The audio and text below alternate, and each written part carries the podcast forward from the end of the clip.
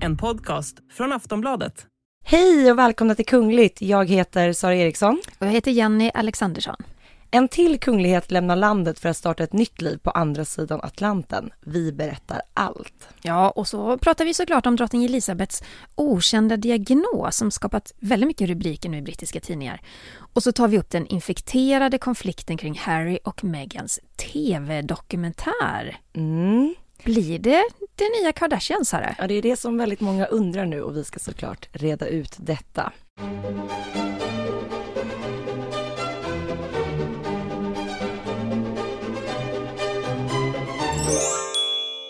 Vi startar i Storbritannien, för nu har det snart gått tre månader sedan som drottning Elizabeth somnade in på slottet Balmoral i Skottland. Hon blev ju 96 år gammal och strax efter hennes död så meddelade Buckingham Palace att dödsorsaken var hög ålder. Men det är uppgifter som nu bestrids av författaren Giles Brandreth som släpper en biografi om drottningen i början av december. Ja, för enligt honom då så ska drottningen ha varit fullt medveten om att hon stod inför döden och att hon ska ha levt sin sista tid med svåra smärtor då orsakade av cancer i benmärgen. Alltså cancer i benmärgen, man har ju inte hört någonting Nej. om det kring drottning Elizabeth överhuvudtaget ju. Nej, det har vi inte gjort. Däremot så, så vet vi och vi fick ju höra att drottningen valde att ställa in många av sina offentliga åtaganden under den sista tiden i livet och att det då var på grund av att hon hade problem med rörligheten. Och det här är någonting då som författaren menar berodde just på cancer. Vi såg bland annat Jenny att hon eh, under det sista halvåret hade hon ju alltid en käpp när hon mm. gick. Hon färdades ju den här specialdesignade... Queen-mobil! Ja, exakt, golfbilen vid några evenemang. Just det. Och när vi var på plats i London vid Platina-jubileumet så var hon ju faktiskt bara närvarande vid ja, men, starten för firandet och finalen. Mm. Eh, utöver det så var det hennes familj som fick representera henne så att hon, hon var ju mestadels hemma faktiskt.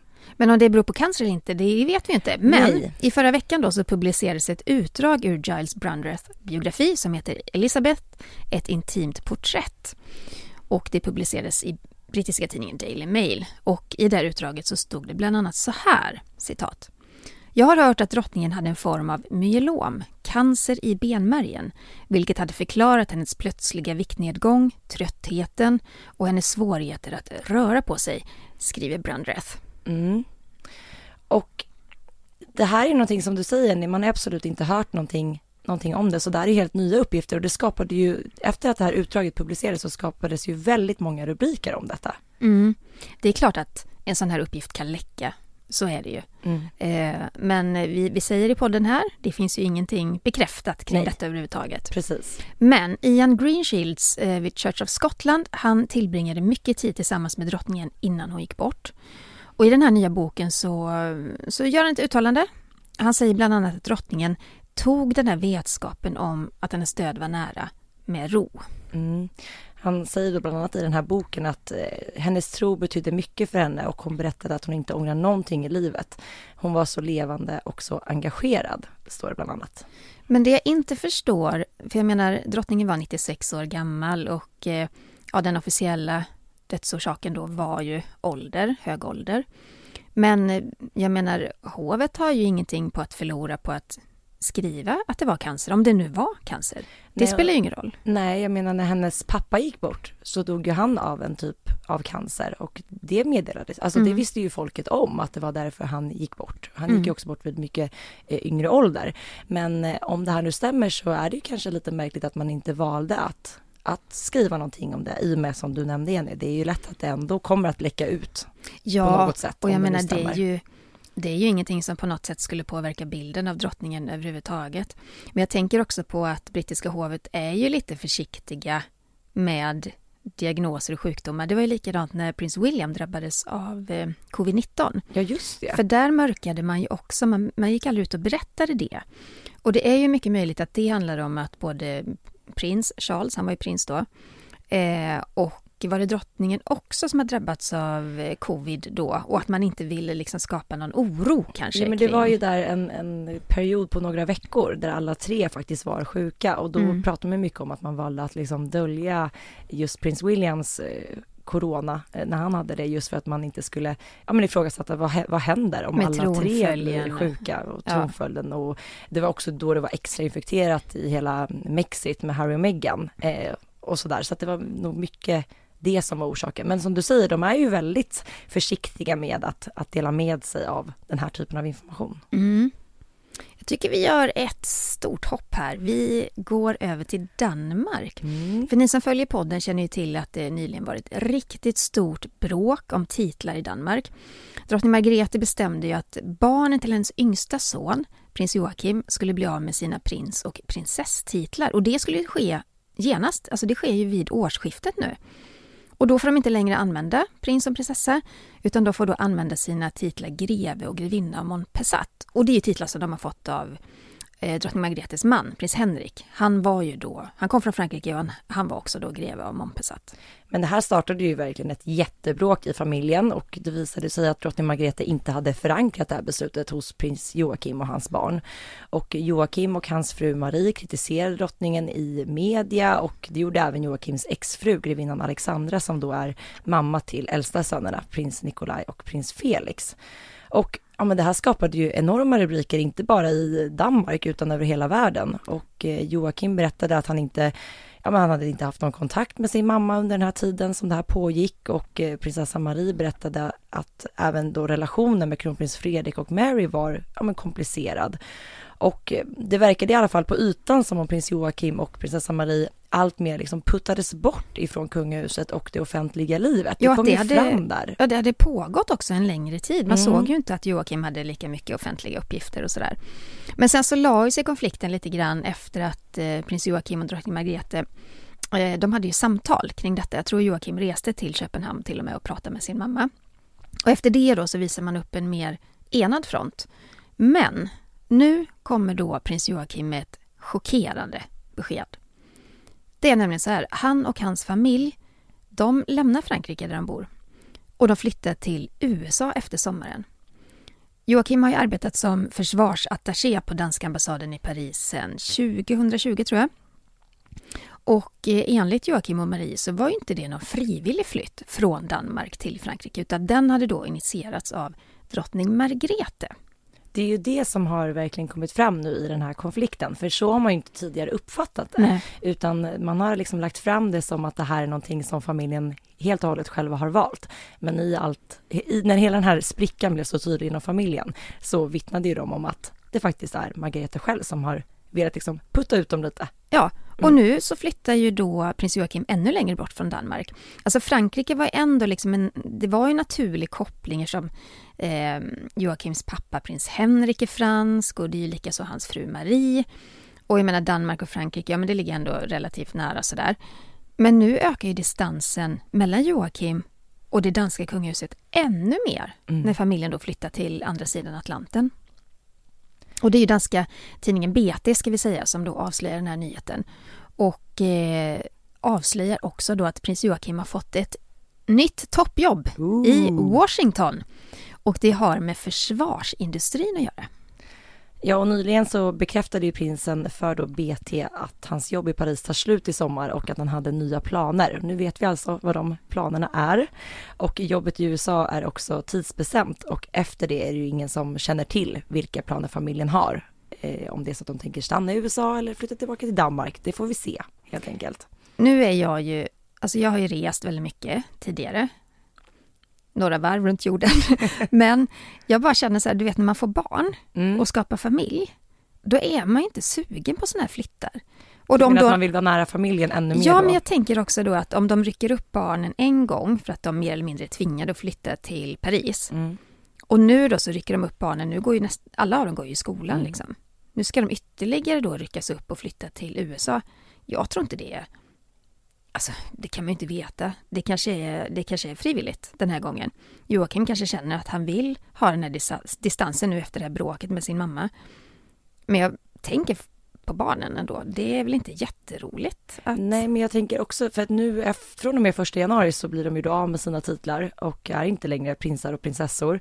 Och Joakim själv har ju uttryckt det som att barnen blir faktiskt av med sin identitet i och med det här beslutet, att det är så grundat i dem. De har vuxit upp med det här och de är ändå så pass stora, till skillnad mot till exempel här i Sverige när barnen var så små eh, när det här beslutet togs. Att flytta till USA eh, förutom då att de liksom rivs upp från skola och vänner och så här som är en jobbig del, i USA kanske också blir lättare att vara och ses som en privatperson. Eh, med tanke på att man inte har kungligheter på samma sätt som liksom i Europa där de fortfarande är eh, kända som som kungligheterna. Ja, Där kanske de får lite chans att vara mer ja, neutrala. Är, verkligen, och, och är de då inte prins och prinsessa så är det ju, då är den grunden lagd för ett lättare liv ja. på det viset. Men det är ju inte en lätt sak att flytta till USA, bara sådär. Nej, verkligen inte. Men det ska bli, bli spännande att följa familjens resa nu då efter, efter sommaren och se var, vad det landar i. Mm. Och då har vi kommit fram till veckans Harry och Meghan.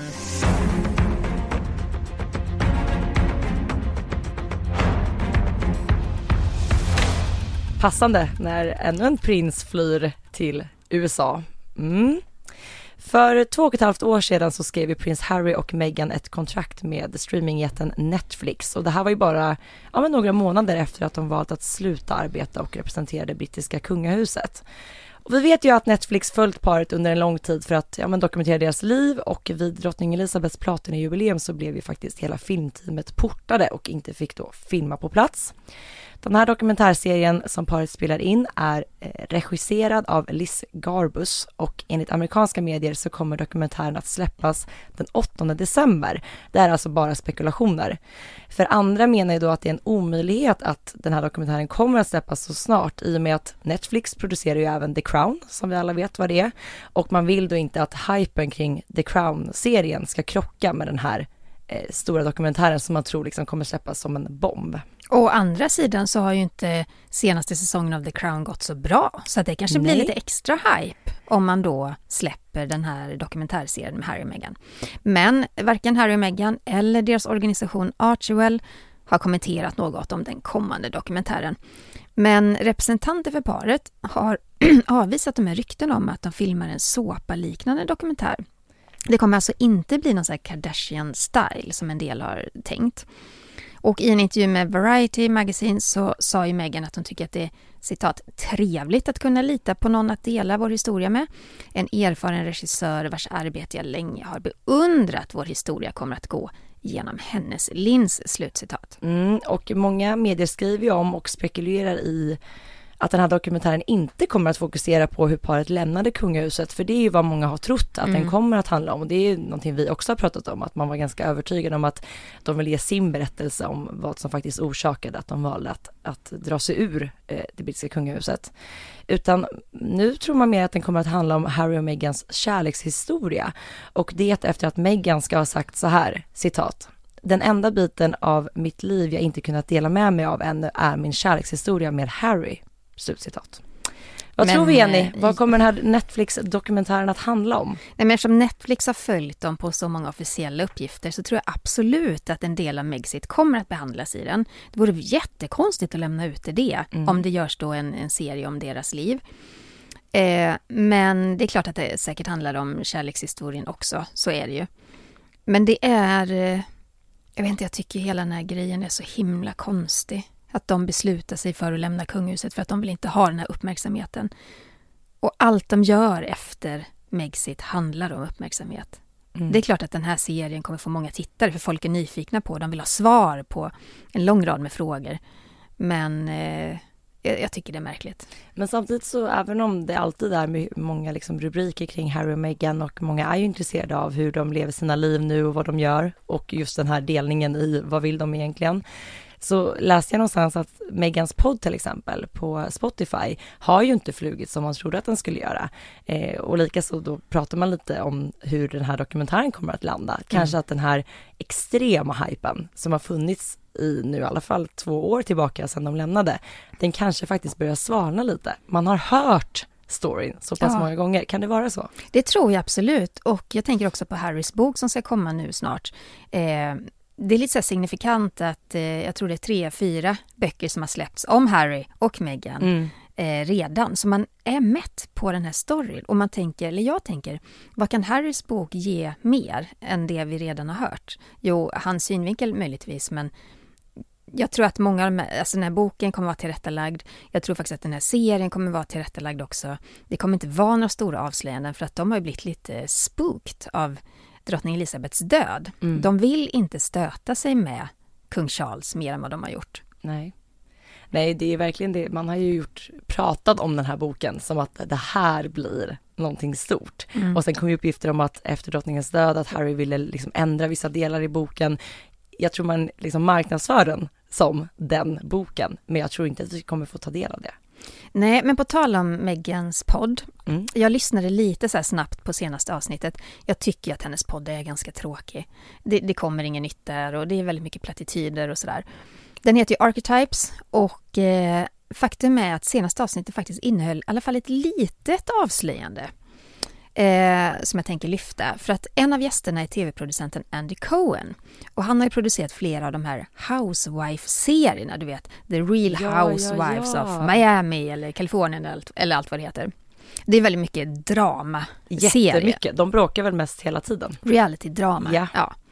Men nu visar det sig när Meghan och Andy då sitter och pratar i podden eh, att Meghan säger då att hon faktiskt har träffat honom vid två tidigare tillfällen. Och varje gång hon har gjort det så har hon visat sig intresserad av att vara med i en sån här Housewife-serie. Och det här var ju innan hon blev offentlig med prins Harry. Och Andy Cohen, eh, han säger att han skäms jättemycket då i podden. För att han har ju då sagt nej till Meghan och så menar han att det kan vara det största misstag han har gjort i sin karriär. För tänk om hon hade varit med i en Housewife-serie och att hon sen då blev kunglig. Men vi lyssnar lite på när Meghan berättar varför hon slutade titta på The Real Housewives. I guess the million dollar question is Do you still watch The Housewives? This is what we've been dying to know. Well, I will tell you the truth. I stopped watching The Housewives when my life had its own level of drama yes. that I stopped craving other people's. Yeah, there was. So, I get why it was such yeah. a huge, huge part of pop culture.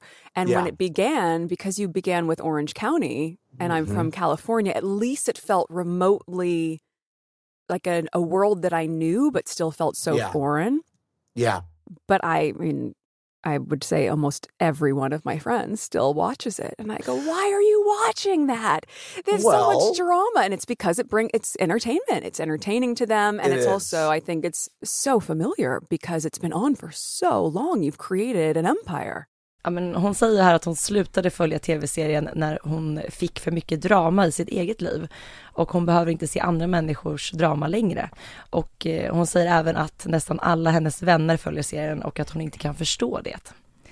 Det är lite så här taskigt att säga tycker jag i en podd där hon då bjudit in producenten till, till, till hela serien. Ja, hon kunde väl ändå eh, nöjt sig med att säga att eh, jag tittar inte på det längre. Men jag har vänner som gör det. Men tänk vilken grej det hade varit om allt, låt säga att hon hade varit med i några säsonger som så, eh, ja men i Hollywood eller var de mm. nu är, de är väl olika delstater i USA antar jag.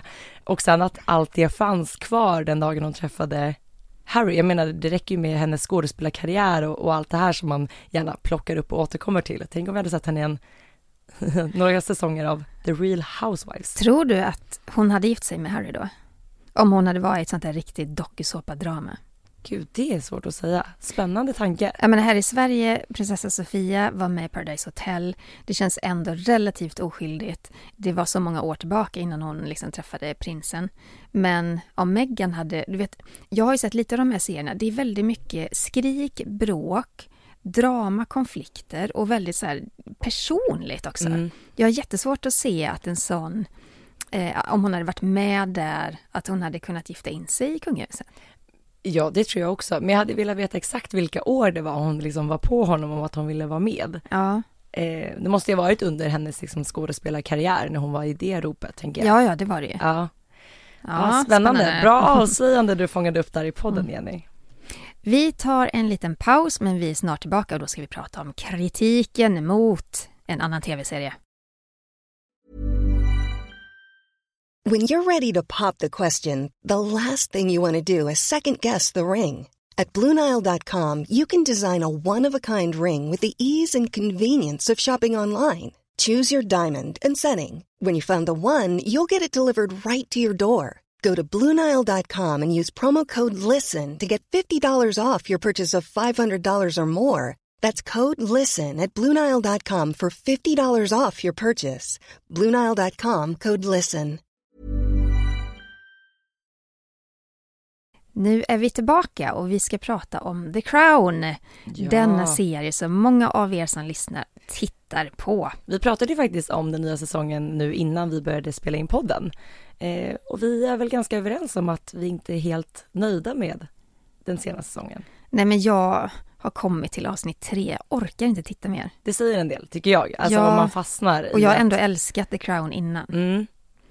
Nej, jag håller med. Jag har sett hela, men det är absolut den sämsta säsongen av Mm. alla fem. Vår producent Jenny Ågren säger samma sak. Ja, Hon har dock tittat på hela. det har hon gjort. Mm. Det har hon gjort. Men vi ska prata om Lady Anne Glenconner. Hon är 90 år gammal och hon var prinsessan Margarets hovdam under många år. Och hon stod kungafamiljen nära ända sedan sin uppväxt, ända sedan hon var liten. Eh, hennes familj stod ju liksom kungafamiljen nära. Mm. Jag tror till och med hennes mamma och pappa jobbade för kungahuset. Ja, men de har ju verkligen så här, om man tittar på släktbandet så är det inte bara hon som har varit nära, utan det har liksom nästan gått i generationer. Så att de har alltid stått brittiska kungafamiljen väldigt nära. Mm. Och efter prinsessan Margarets död 2002 så var hon fortsatt vän då med drottning Elizabeth. Och jag måste tipsa om en bok som ni bara måste läsa. Eh, Lady Anne Glenconner har skrivit Lady in Waiting. Jag har läst den på engelska, jag vet inte om det finns någon översättning, men den är väl värd att läsa. Hon har ett språk som är väldigt överklass, väldigt stramt och tillbakahållet, men hon beskriver så otroligt bra hur livet nära kungafamiljen ser ut och relationen till Margaret och allt hon är med om. De är med om helt eh, crazy banana saker. Ger de många så detaljer som är riktiga sådana bakom kulisserna Ja. Ja, Det gör hon. Men utan att skandalisera Margaret. Såklart. Eh, däremot så är hon väldigt öppen med att eh, den här mannen hon gifte sig med och som hon höll fast vid hela sitt liv, eh, han var totalt galen. Alltså totales galen. Och den storyn är också väldigt intressant för det säger väldigt mycket om hur man så här, betraktade äktenskapet i den generationen i överklassen. Man lämnade inte utan man stod ut och stod ut gjorde hon verkligen. Okej, det här är en bok som jag måste läsa och säkert många av er som lyssnar också.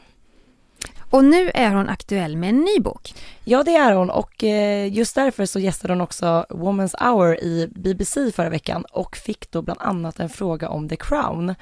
Och hon, ja men de pratar ganska mycket om The Crown i och med att ja men hon har såklart levt i riktiga The Crown. Eh, hon svarade då bland annat att ja men jag var i riktig, riktiga The Crown hela tiden och serien är en komplett fantasi. Och hon berättar även att hon träffade, hon har träffat både första skådespelaren som spelade Margaret och även andra, Helena Bonham Carter, eh, som spelade eh, Margaret i säsong tre. Och hon träffade då henne innan inspelningen för att liksom skådespelaren skulle få en bild av hur Margaret var som person. Eh, men hon säger också att hon blev väldigt besviken på hur de valde att göra Margaret i serien.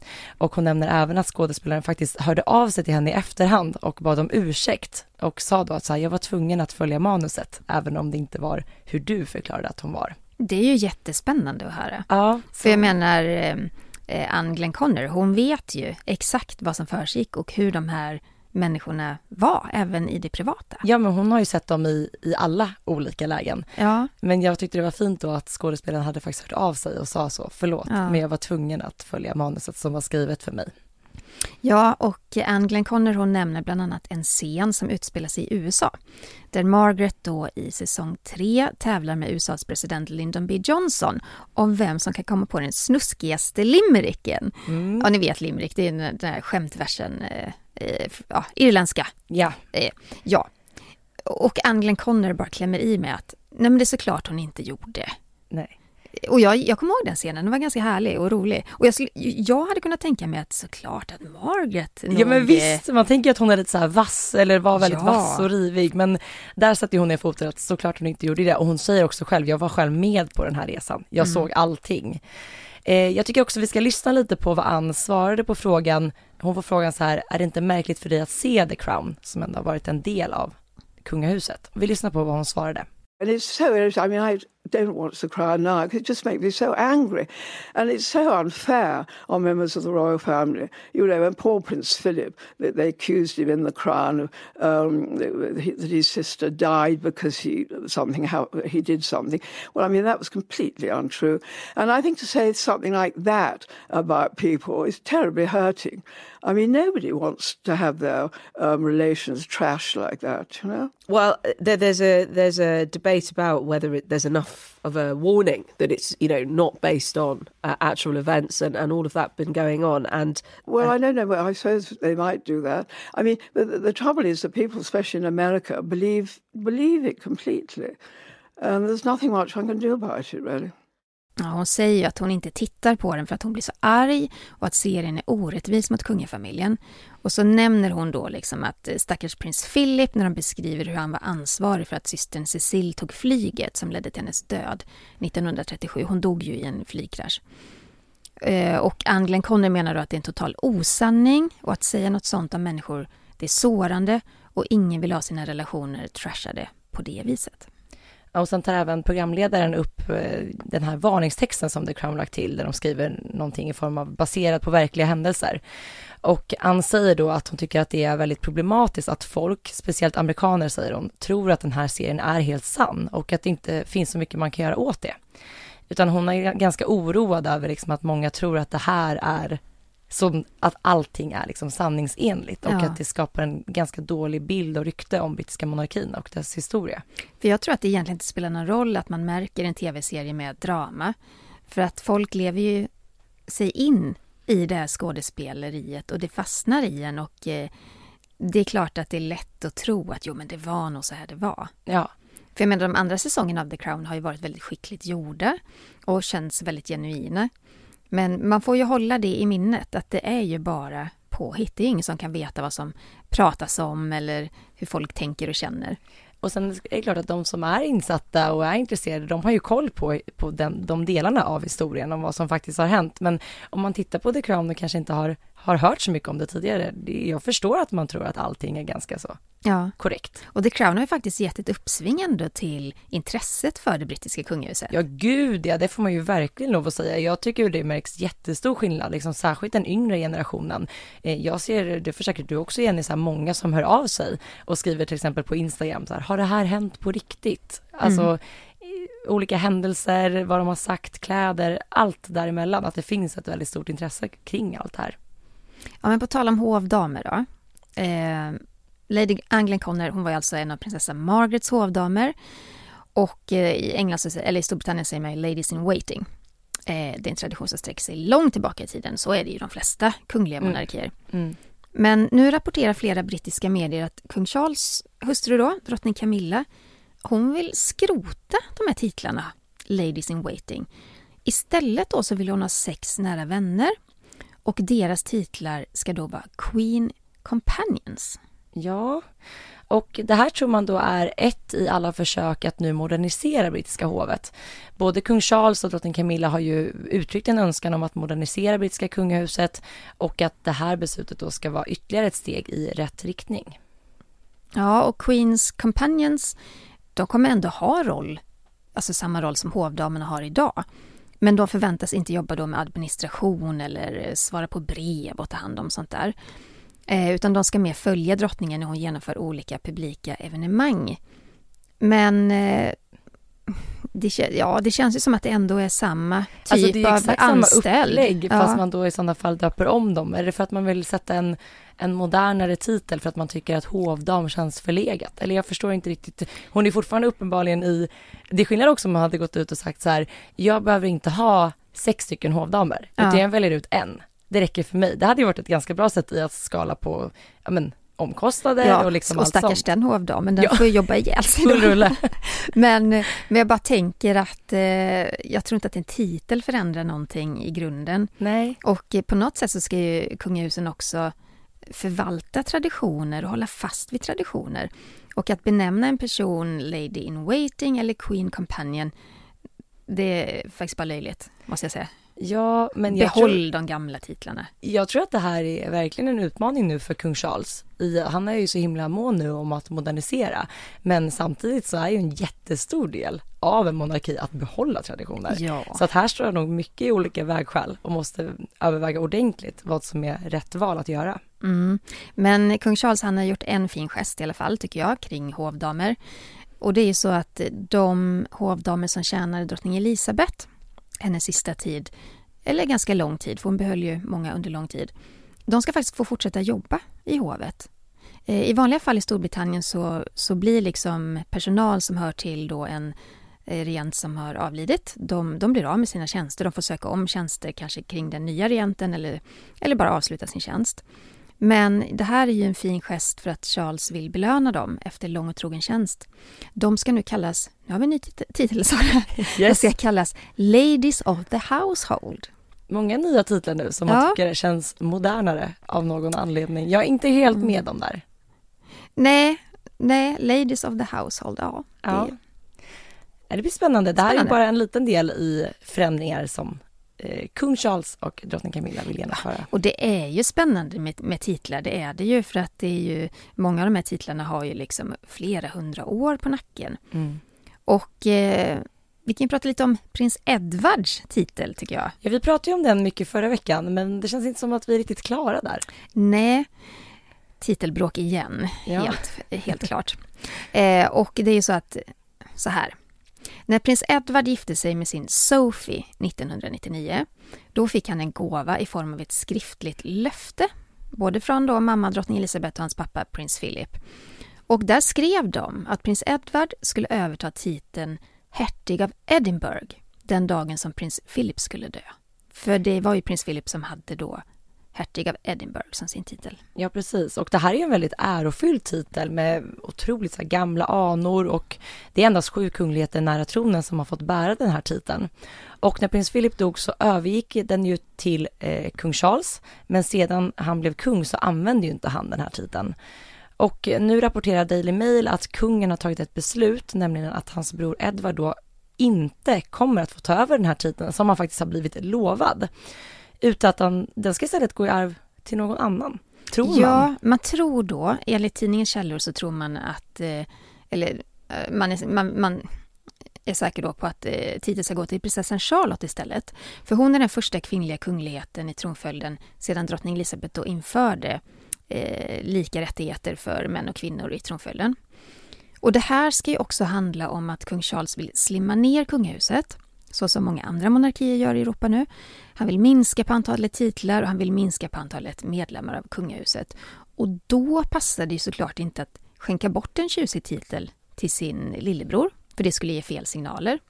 Men det pågår ju då diskussioner huruvida prins Edward ska få en annan titel som plåster på såren eller helt enkelt eh, vara utan det är också så att skulle eh, prins Edward som lovat då få ta över titeln så skulle den sedan gå i arv till hans son. Och då pratar vi ytterligare en gren som blir väldigt långt ifrån tronen och det är precis det man inte vill längre.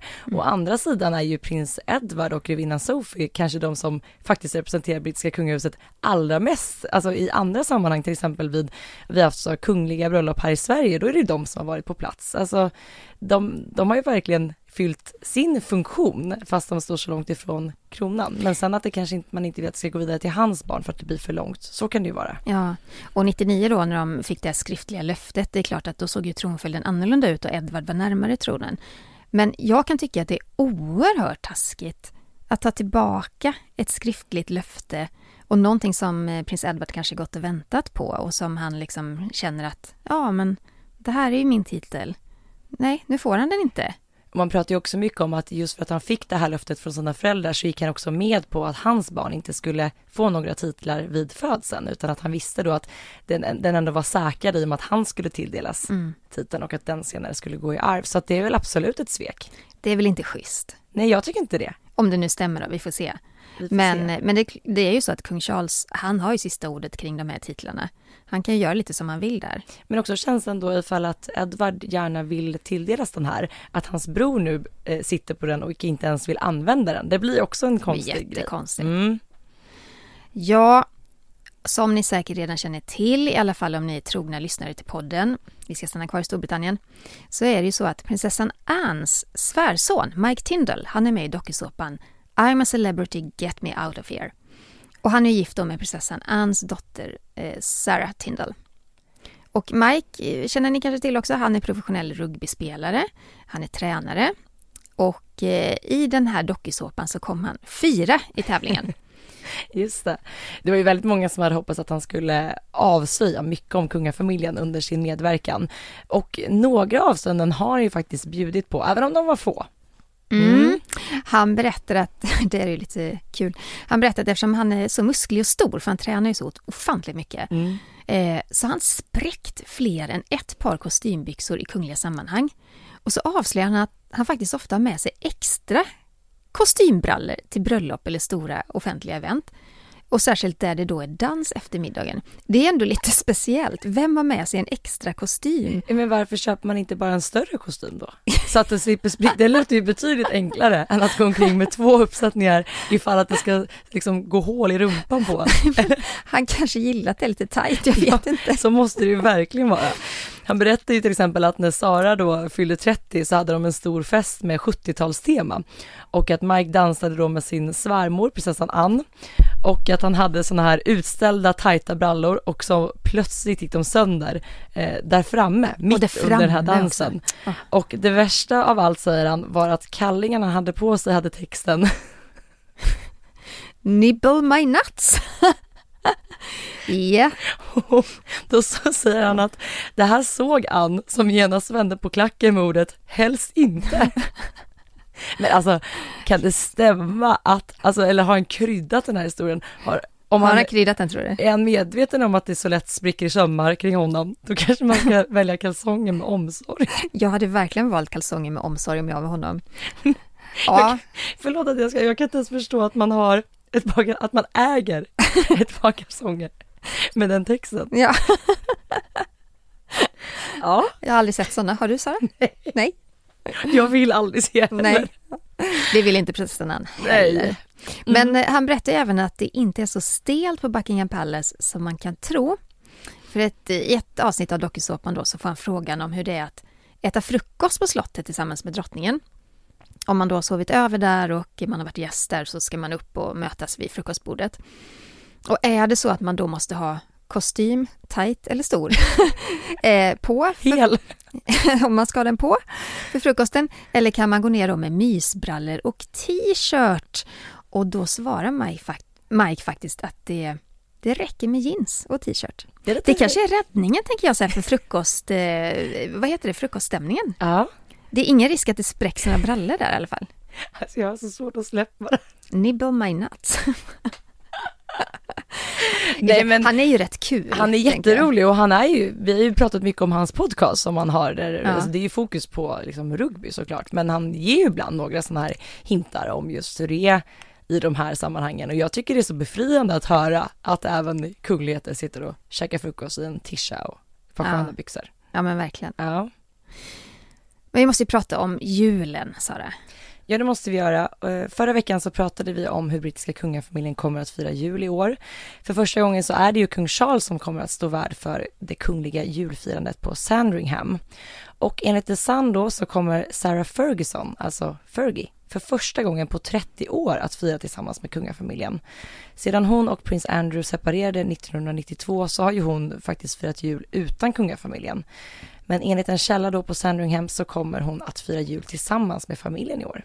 Men jag undrar om det har något att göra då med drottning Elisabeth, för det måste ju varit hon då som bestämt att Sarah inte får fira ja, med resten av familjen. jag läste lite olika artiklar om det här och det var många som menade, du vet inte vi om det här är sant, men mm. man spekulerade mycket i att det faktiskt var prins Philip som hade sagt, satt ner foten att hon inte fick fira med kungafamiljen efter att de valde att separera. Ja, men han var ju rasande över de här bilderna. Exakt. När Sarah Ferguson blev eh, sugen på tårna av en älskare. Och det var i samband med separationen och skilsmässan där ju. Ja. Oj vad han var arg. Ja. ja, så att det kan ha varit så att eh, det satte lite stopp för julfirande med familjen. Men nu verkar det då som att kung Charles välkomnar henne Ja men det slottet. är väl fint ändå mm. tycker jag.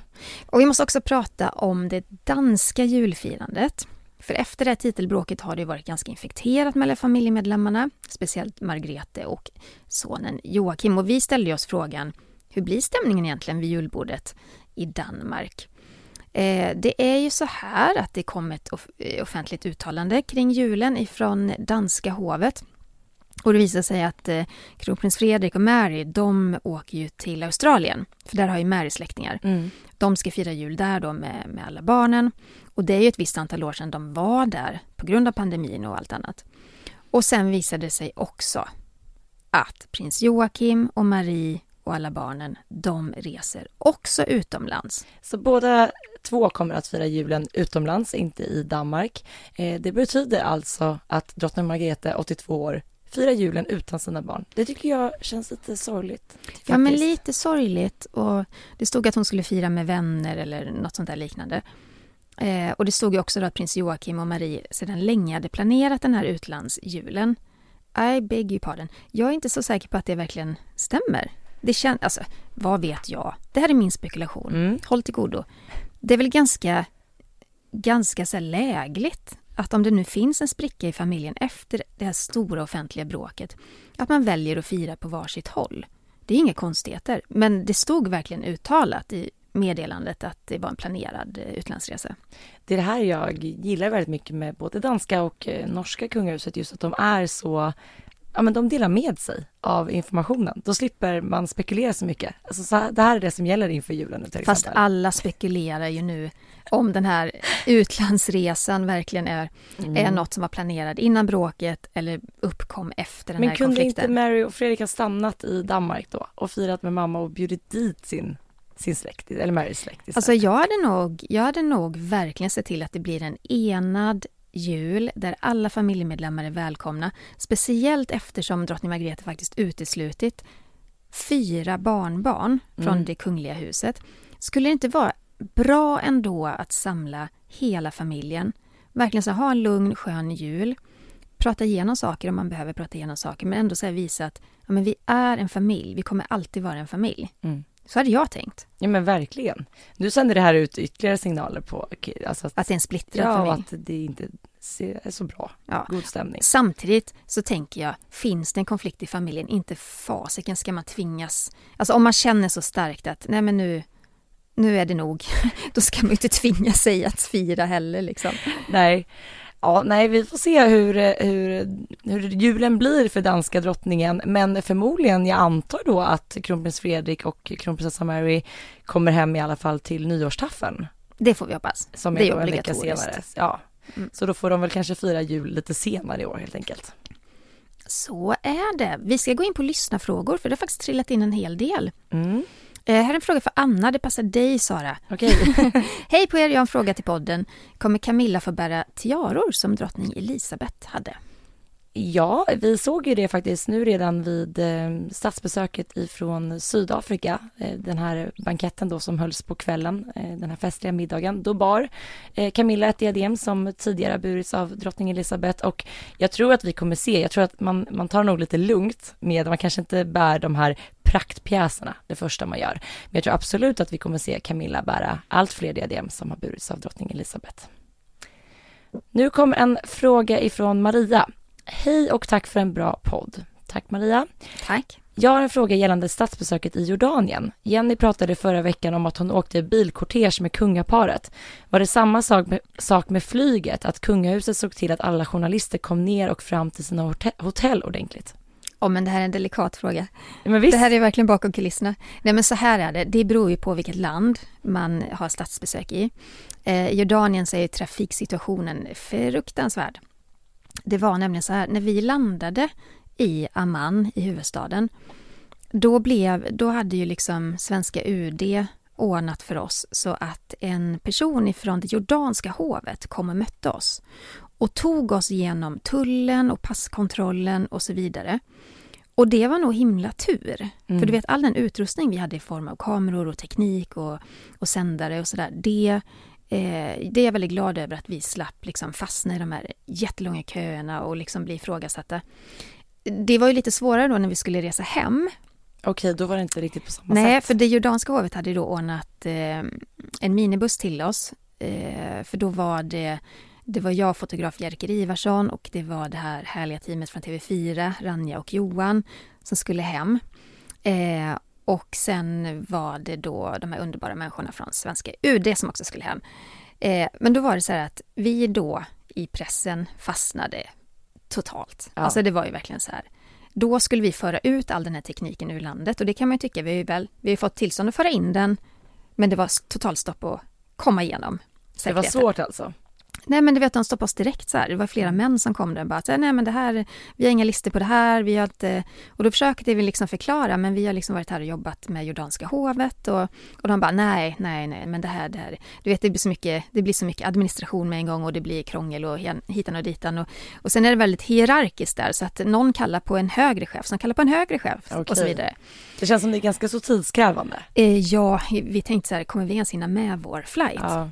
Men till slut då, eh, Ranja talar ju lite arabiska, det är vi evigt tacksamma för. Eh, och dessutom är hon en väldigt karismatisk kvinna så att jag tror också att de här säkerhetskillarna var, tyckte hon var fantastisk.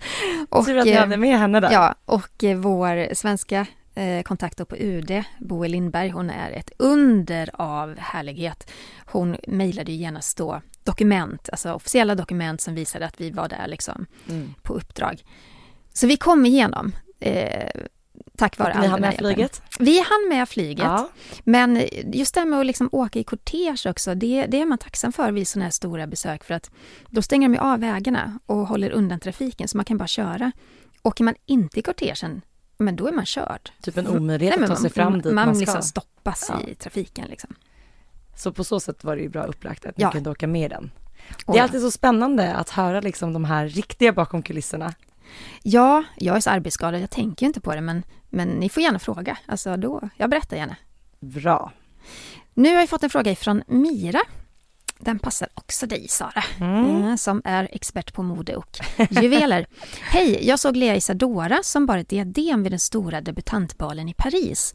Hon är bara 17 år och vet att ni tidigare sagt att kungligheterna gör sin diademdebut vid 18 års ålder. Det gjorde ju även hennes kusin prinsessan Ingrid Alexandra. Men varför fick Lea Isadora bära diadem tidigare och vad var det för klänning hon bar? Ja, det här diadem, det var ju väldigt kul att se de här bilderna tycker jag från den här balen och det här diademet är ju inte något som burits av norska kungafamiljen tidigare. Jag har försökt ta reda på liksom vad är det här för diadem och liksom kikat på, på det. Eh, många tror ju att det är ett lån ifrån en norsk juvelerare och eh, anledningen till att jag själv hajar till i det här och bara gud det är så likt någonting annat diadem eller så här, jag måste ha sett det här på en kunglighet. Det är ju för att det påminner så extremt mycket om svenska, det här svenska omtalade rubindiademet. Håller du med Jenny? Ja, för första gången så kan jag någonting som inte Sara kan kring diadem. Det är helt magiskt, jag har aldrig varit med om något liknande. Det är helt sjukt. Sara, jag läste faktiskt precis innan vi, innan vi började spela in podden. Vad har du läst? Så här är det. Det här diademet som Lea, Lea Isadora bar det fick hon låna för att alla de här debutanterna, jag tror de var 18 stycken, ja. eh, som var med på Le Ball heter det, eh, de får nämligen låna kläder och diadem. Så det här diademet är ett antikt från 1905 Men eller någonting. gud! Ja, jag är helt i chock. Jag är i chock över att jag kan detta. Men jag skyller på att jag ramlade över den uppgiften innan. Så att det är ett lån. Eh, Ifrån Paris då? Alltså ett, ett fransk juvelerare måste det vara? Man tror det. Oh, mm. men visst är det likt eh, svenska rubindiademet ja. i formen, oj, med de här liksom nästan som, ja. säga, spader, ja. upp och nedvända spader. Och det är jättefint. Vad glad jag blir Jenny att du kommer med de här, upp, med de här uppgifterna för jag har, det har liksom sökts på nätet på ett sätt. Ja. Och liksom så här, du vet debattforum där folk, alltså, diademnördar sitter och bara, har ni sett det tidigare? Ja. Påminner om För det är också så, det har varit en vild diskussion, för det är ett diadem till salu i Danmark som har liksom kopplingar långt tillbaka till kungafamiljen, men är inte en del av den kungliga samlingen längre. Och det är också väldigt likt det här diademet, så många har suttit och trott så här, har Norge köpt över det danska Aha. diademet? Och sen när man kommer fram till att så är det inte. Nej. Nu har vi ett svar! Ja, tänka Bra, Jenny. sig, herregud. Snyggt! Ja. Men just det här också att hon inte är, att hon bara är 17, jag tror ju att hon fick lov att bära diadem trots att hon liksom inte har fyllt 18 i och med att det här inte heller var ett kungligt sammanhang. Och särskilt nu med tanke på, alltså hon själv har inte titeln prinsessa, hon är själv ingen kunglighet, hennes mamma har också liksom tydliggjort hennes titel och hur hon, att hon inte längre utgör en del av det kungliga huset. Så jag tror att det blev ganska så naturligt. Det är som att vem av oss som helst skulle kunna få ta på sig ett diadem helt enkelt. Och klänningen då? Ja, den här rosa galaklänningen, som då också måste vara ett lån ifrån Paris antar jag, är designad av italienska, ursäkta mitt uttal här nu på italienska, Gam... Giambattista Gambattista Valli. Valli. ja. Alltså den är svårt. Eh, och det är ju faktiskt så att de, den här designern har ett nära samarbete med norska hovet. Han är ju en av kronprinsessan Mette absoluta favoritdesigners. Så att även om det var ett lån i Paris så gillar nog att få klä norska kungligheter. Skicka gärna in fler lyssnarfrågor till oss, det tycker vi är superkul. Och det gör man till? Mejla kungligt aftonbladet.se så tar vi upp det här. Vill ni ha dagliga kungliga nyheter så följ oss på sociala medier. Där hittar man dig var? Royalistan.se på Instagram och var hittar man dig? Man hittar mig på Instagram, kungligt med Jenny heter jag. Sen har ju både du och jag varsitt TikTok-konto. Vi heter samma sak där. Yes. Vi är i nybörjarfasen kan vi säga. Ja, jag tycker att det är svårt. Jag känner mig lite som en dinosaurie när jag hänger inne på TikTok för det är kidsen som har koll där och jag blir mest åksjuk för allt är rörligt. Det är videos, det är musik, det är hitan och ditan. Jag, ger, jag försöker. Vi kämpar på med TikTok. Vi får vi se vad det blir. På. Mm. Tack för att ni har lyssnat och vi hörs igen nästa vecka. Hej då! Hej då!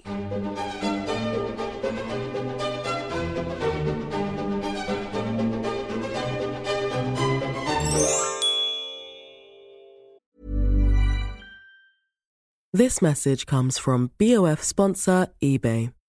You'll know real when you get it. It'll say eBay Authenticity Guarantee. And you'll feel it.